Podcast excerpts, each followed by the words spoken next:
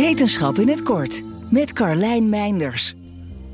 Amerikaanse onderzoekers waarschuwen na het bestuderen van de data van 50.000 mensen boven de 60 voor een link tussen overmatig zitgedrag en een verhoogd risico op dementie. De resultaten sluiten aan bij bevindingen in eerdere studies, al is meer onderzoek wel nodig om een kausaal verband aan te kunnen tonen.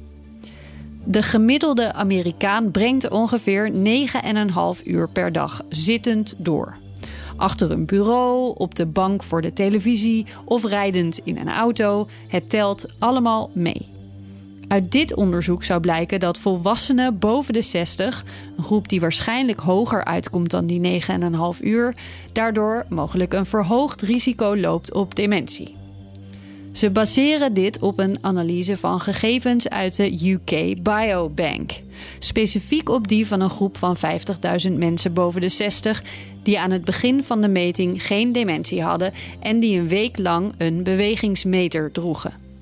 Vervolgens vergeleken ze deze metingen met data van zes jaar later van dezelfde groep, waarbij ze keken naar dementiediagnoses. Dat ging om 414 mensen.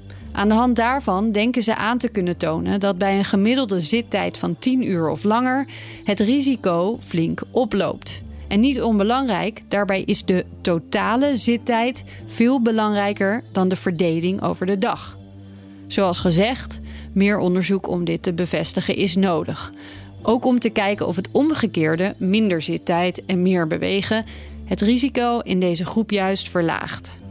Maar misschien voor de zekerheid alvast toch weer even goed in de gaten houden of je niet richting die 10 uur gaat.